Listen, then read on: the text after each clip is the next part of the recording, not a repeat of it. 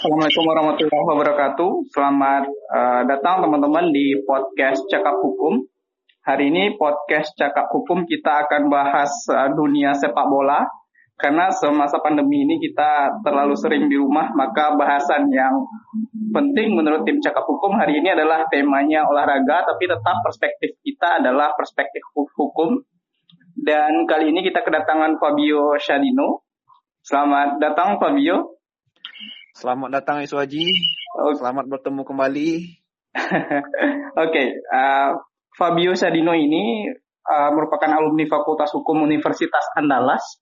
Beliau aktif menulis di uh, platform digital, uh, semisal Geotimes. Ada setidaknya 15 tulisan beliau.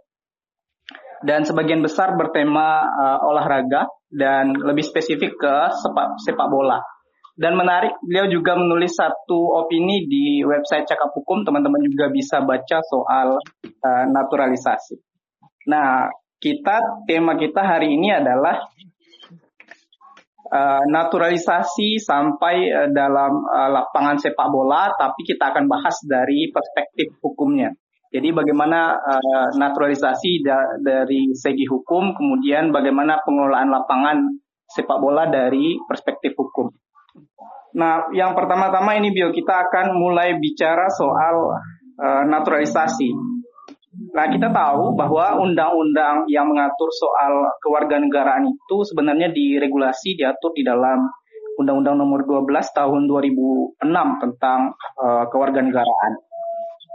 Nah, ini menarik mengingat bahwa uh, di Indonesia naturalisasi menjadi sangat uh, gencar diberitakan terkait dengan pemain sepak bola. Nah ini kan tentu menarik. Bagaimana sebenarnya pemain sepak bola itu dapat dinaturalisasi dan apa syarat yang harus uh, dipenuhi oleh uh, pemain tersebut agar bisa dinaturalisasi menjadi warga negara Indonesia.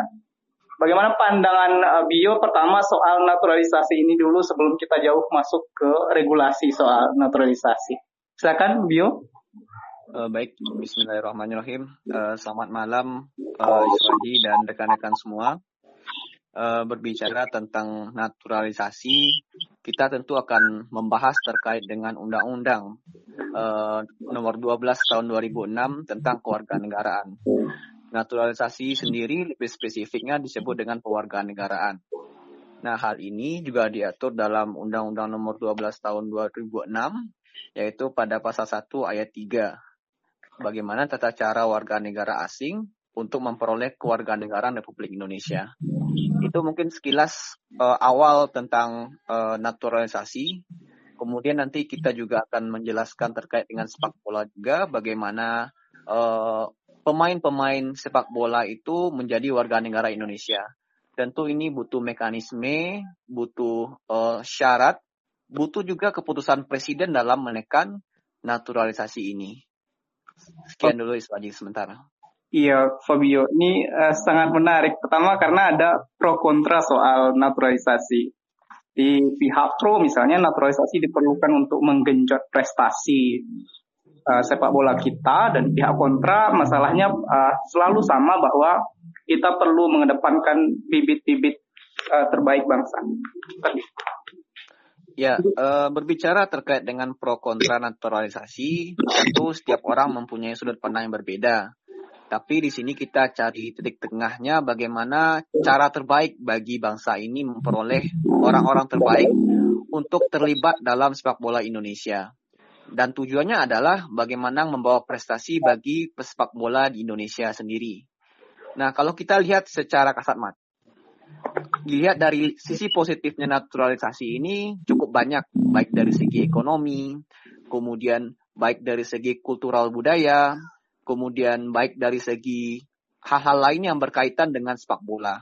Tentu di lain hal positif, tentu juga ada hal negatifnya terkait dengan naturalisasi ini. Yang pertama mungkin bisa jadi terkait dengan pekerjaan yang bisa dimiliki oleh warga negara Indonesia asli diberikan kepada warga negara asing.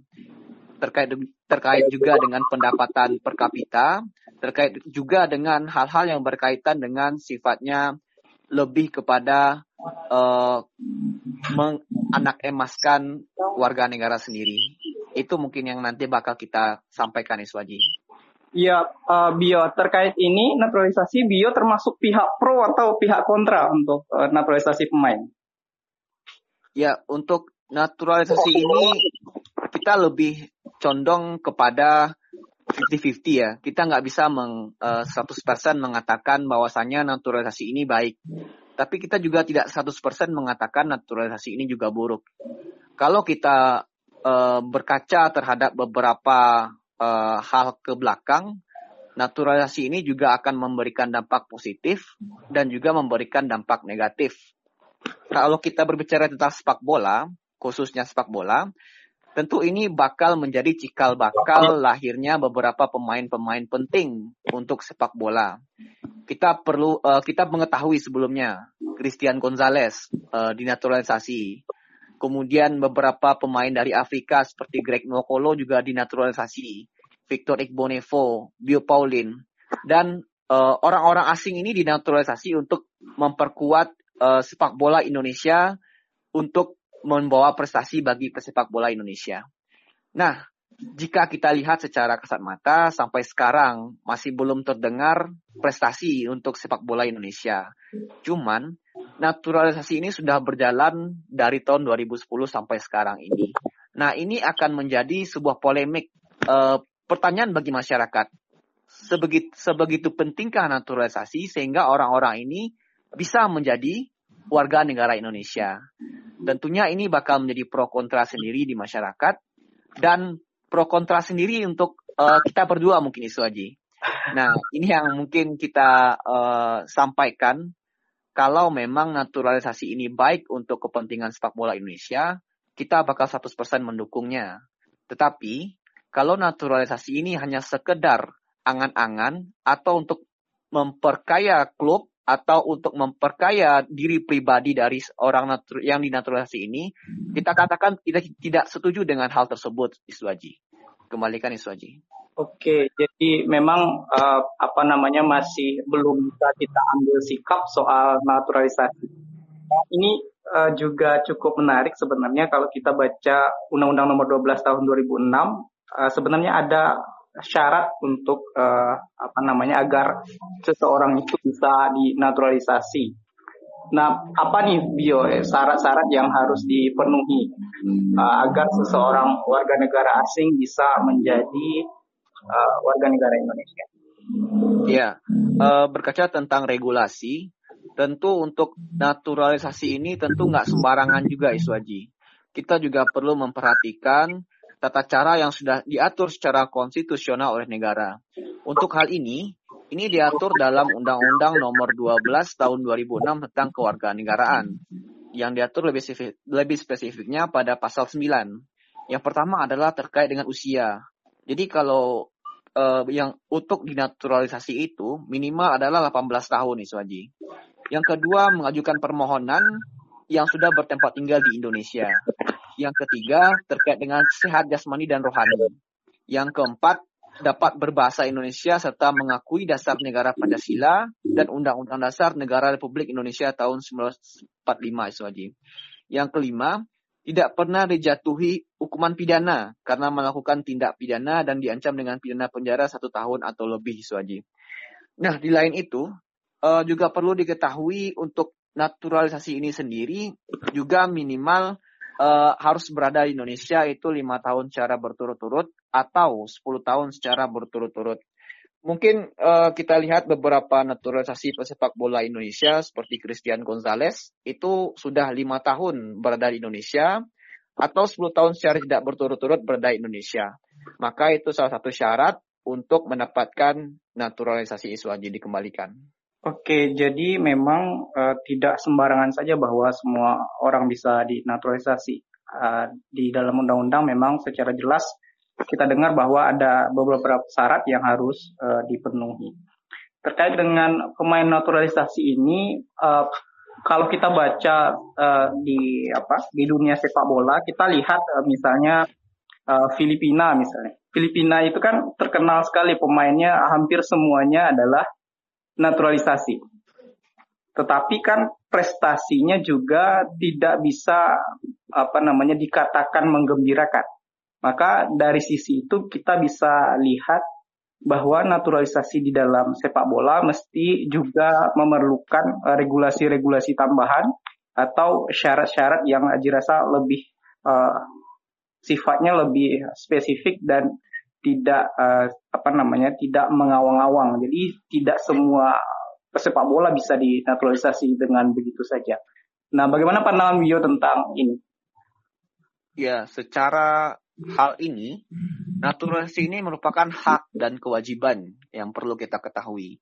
Ini hak orang untuk berpindah ke warga negaraan dan juga mempunyai kewajiban bagi orang yang pindah ke warga negara untuk taat dan patuh terhadap negara yang baru diempunya.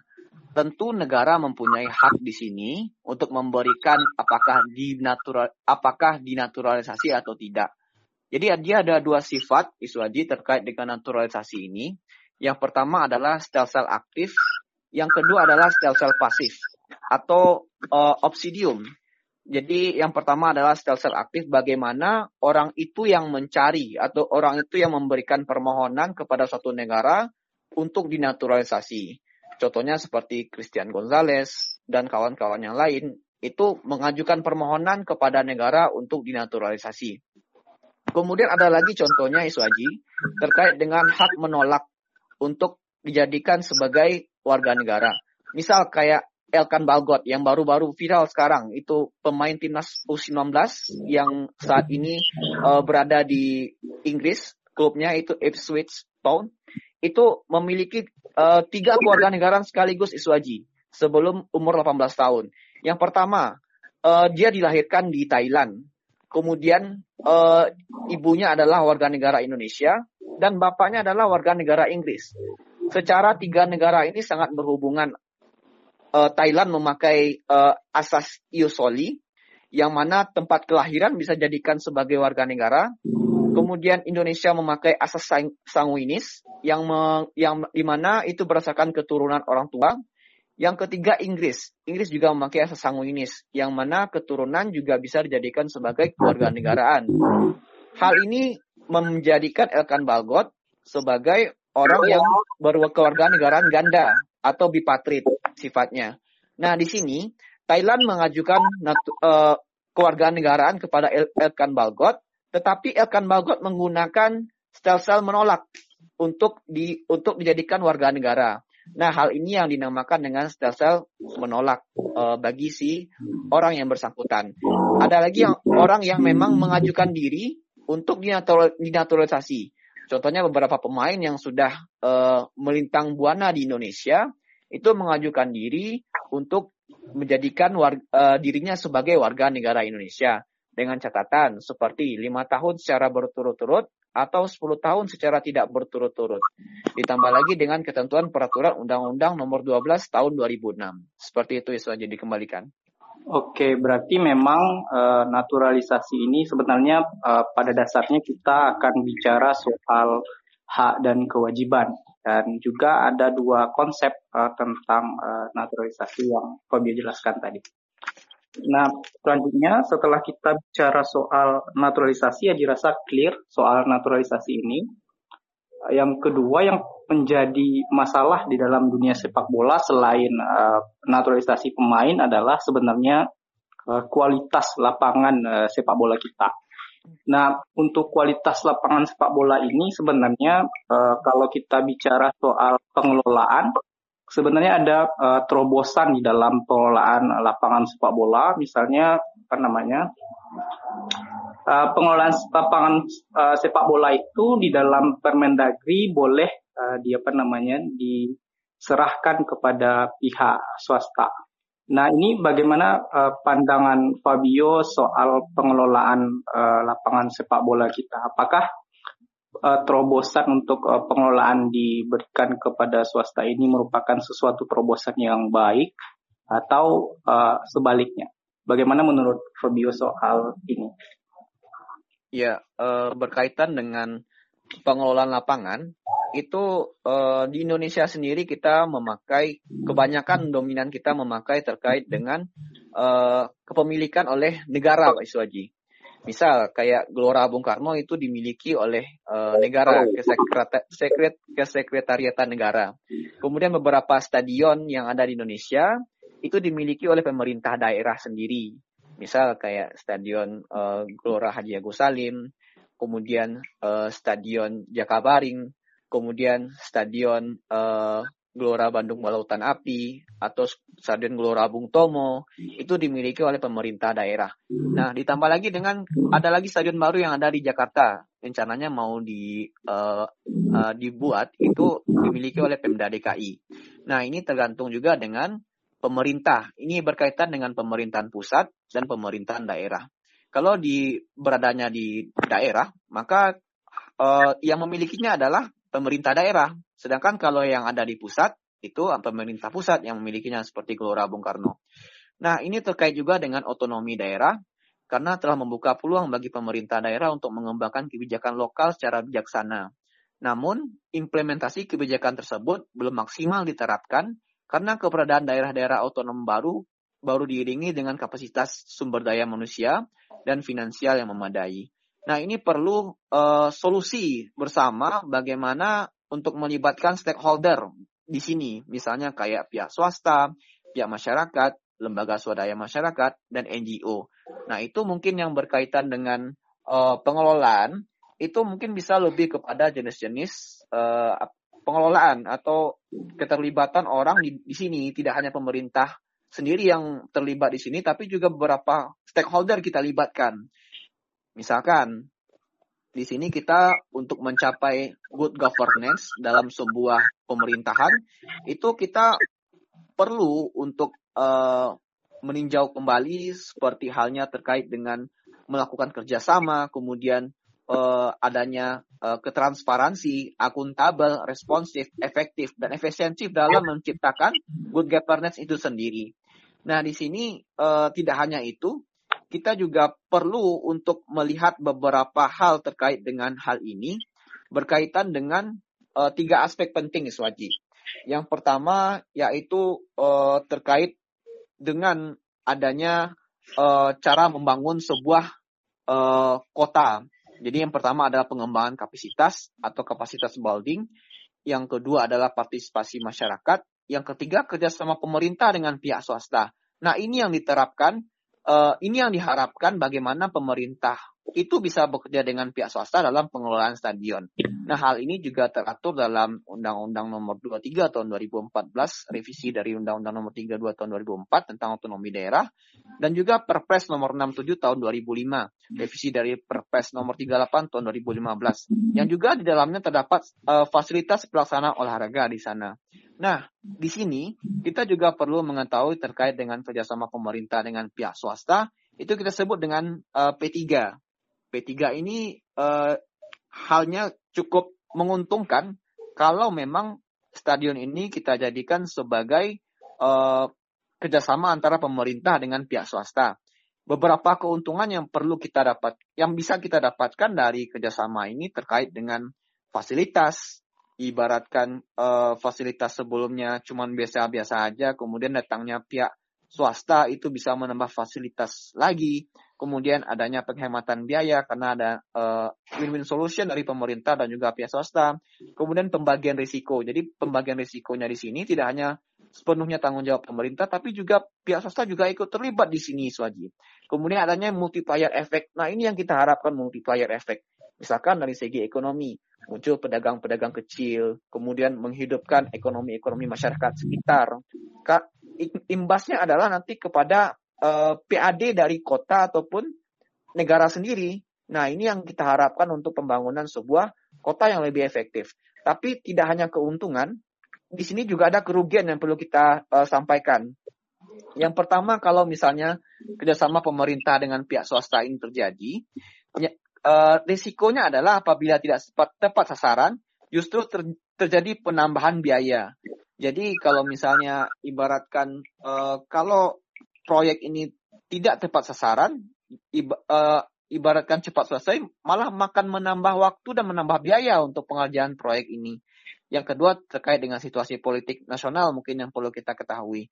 Apalagi dengan sistem pemilihan kepala daerah sekali lima tahun itu berganti, berganti juga programnya, maka ini akan berimbas juga terhadap pembangunan.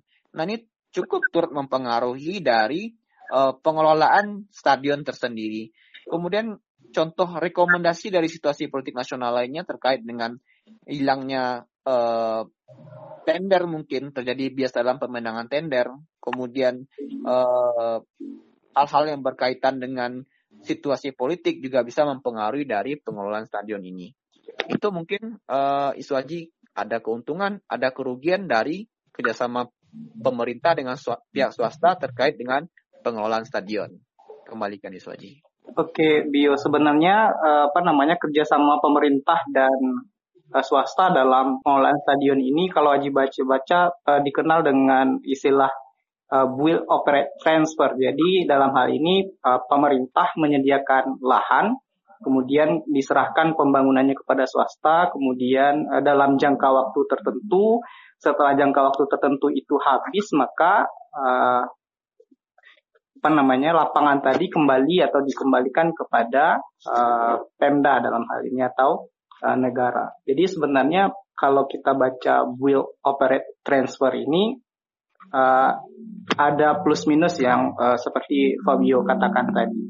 Nah, yang menjadi apa namanya keuntungan dari will operate transfer ini kan sebenarnya uh, kita perlu tegaskan bahwa dalam pelibatan uh, ini tentu dia dalam hal melakukan pengelolaan lapangan tidak lagi memberatkan uh, eh, APBD. Apakah benar demikian, Bio, atau bagaimana sebenarnya konsep dari will operate transfer ini? Ya, uh, kita berbicara terkait dengan will operate transfer. Berarti kita berbicara juga terkait dengan jenis-jenis dari uh, beberapa hal kerjasama dalam pemerintah dengan pihak swasta. Jadi di sini tidak hanya build operate transfer. Oke, okay, build operate transfer sangat efektif memang dalam uh, kerjasama antara pemerintah dengan pihak swasta, yang mana peningkatan pelayanan publik ini waktunya cukup uh, banyak, itu tentang waktunya 10 sampai 30 tahun. Posisi pihak swasta sebagai penanggung jawab operasi, kemudian pemelihara, pemodal, dan penanggung jawab risiko, serta pihak swasta juga akan mendapatkan imbalan sesuai dengan parameter produksinya sendiri. Sistem ini memang efektif kalau memang untuk mengembangkan kapasitas sumber daya manusia. Namun, kelemahannya untuk meningkatkan efisiensi operasional membutuhkan jaminan sehingga diperlukan analis kemampuan, kapasitas pemerintah, kemudian komitmen politik, regulasi yang tinggi, dan recovery cost yang bervariasi. Nah, ini mungkin lebih tepatnya Iswaji kalau kita berbicara tentang build, operate, transfer, itu kita lebih tepatnya pembangunan yang lebih tinggi dibandingkan fasilitas stadion gitu. Misalnya kayak pembangunan jalan tol, kemudian pelabuhan udara dan laut, kemudian pembangkit listrik dan sebagainya. Karena memang hal ini lebih kepada sifatnya lebih tinggi daripada fasilitas stadion Iswaji. Uh, Iswaji. Oh. Jadi uh, beberapa build operate transfer ini memang cukup bagus, cuman ini lebih tepatnya kepada uh, pelabuhan, uh, pembangunan jalan tol, pembangkit listrik. Banyak Iswadi beberapa contoh hal lainnya seperti service contract, manajemen kontrak, lease contract, concession, kemudian build operate transfer, joint venture agreement, dan community build provision juga ada Iswaji di sini. Oke. Okay. Kembalikan Iswaji. Iya, Fabio. Jadi memang uh, ada beberapa jenis uh, apa namanya kerjasama, tapi di kalau kita berkaca di stadion di luar, misalnya soal stadion Allianz, memang dia menggunakan sistem will operate transfer Fabio. Dan kemungkinan uh, kita perlu dulu mengkaji lebih dalam apakah ini uh, bisa juga diterapkan di kita atau kita perlu mencari alternatif uh, jenis kerjasama lain untuk uh, kerjasama dengan pihak swasta. Dan menarik Fabio terakhir untuk uh, apa namanya kesimpulan kita hari ini. Pertama soal uh, naturalisasi memang uh, ada pro kontra, kemudian soal uh, kelebihan dan kelemahannya tentu juga ada, kemudian soal lapangan juga punya hal yang sama, dia punya kelebihan dan kelemahan masing-masing apabila dikelola oleh pihak swasta dan apabila dikelola oleh pihak pemerintah. Nah, ini closing statement dari Fabio nih yang kita tunggu-tunggu. Bagaimana nih pandangannya soal naturalisasi dan soal pengelolaan lapangan sepak bola? Baik, uh, terima kasih Suaji. Kesimpulannya adalah mungkin terkait dengan naturalisasi itu uh, hal yang benang benang putihnya yang perlu kita dapatkan. Uh, tidak ada 100% baik, tidak ada 100% buruk. Itu dalam segi naturalisasi. Mungkin ke depannya, uh, apalagi berkaca terkait dengan Indonesia bakal uh, menjadi tuan rumah Piala Dunia itu di usia 20, 2020, memang membutuhkan orang-orang yang lebih uh, pernah menimba ilmu di luar negeri. Ibaratkan misalnya kayak di Inggris, di Belanda dan lain sebagainya juga. Nah ini butuh kita uh, tekankan juga. Mungkin ada naturalisasi di sini. Kemudian uh, terkait dengan pengelolaan stadion, memang di sini beberapa stadion itu banyak uh, yang masih fasilitasnya masih kurang. Nah, ini mungkin butuh uh, duduk bersama pemerintah dengan pihak swasta dalam bagaimana untuk memajukan sebuah daerah dengan stadion yang fasilitasnya cukup bagus, minimal ya, minimal cukup bagus. Ditambah lagi dengan beberapa event yang akan dikunjungi di Indonesia itu seperti Piala Dunia 2020, Indonesia membutuhkan stadion-stadion yang bertaraf internasional. Nah, di sini mungkin kesimpulan yang bisa kita sampaikan adalah bagaimana supaya pemerintah bis pemerintah dengan uh, pihak stakeholdernya bisa memberikan uh, suatu hal yang memang inovasi baru terkait dengan hal ini.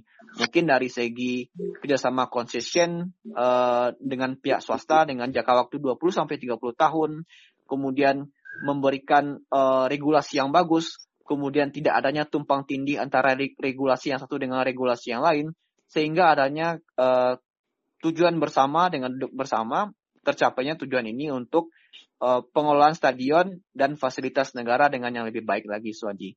Itu mungkin uh, yang dapat disampaikan, Suwaji dikembalikan. Bio, mungkin uh, itu akhir dari perbincangan kita hari ini soal naturalisasi hingga lapangan bola dari perspektif hukum. Terima kasih teman-teman sudah mendengarkan.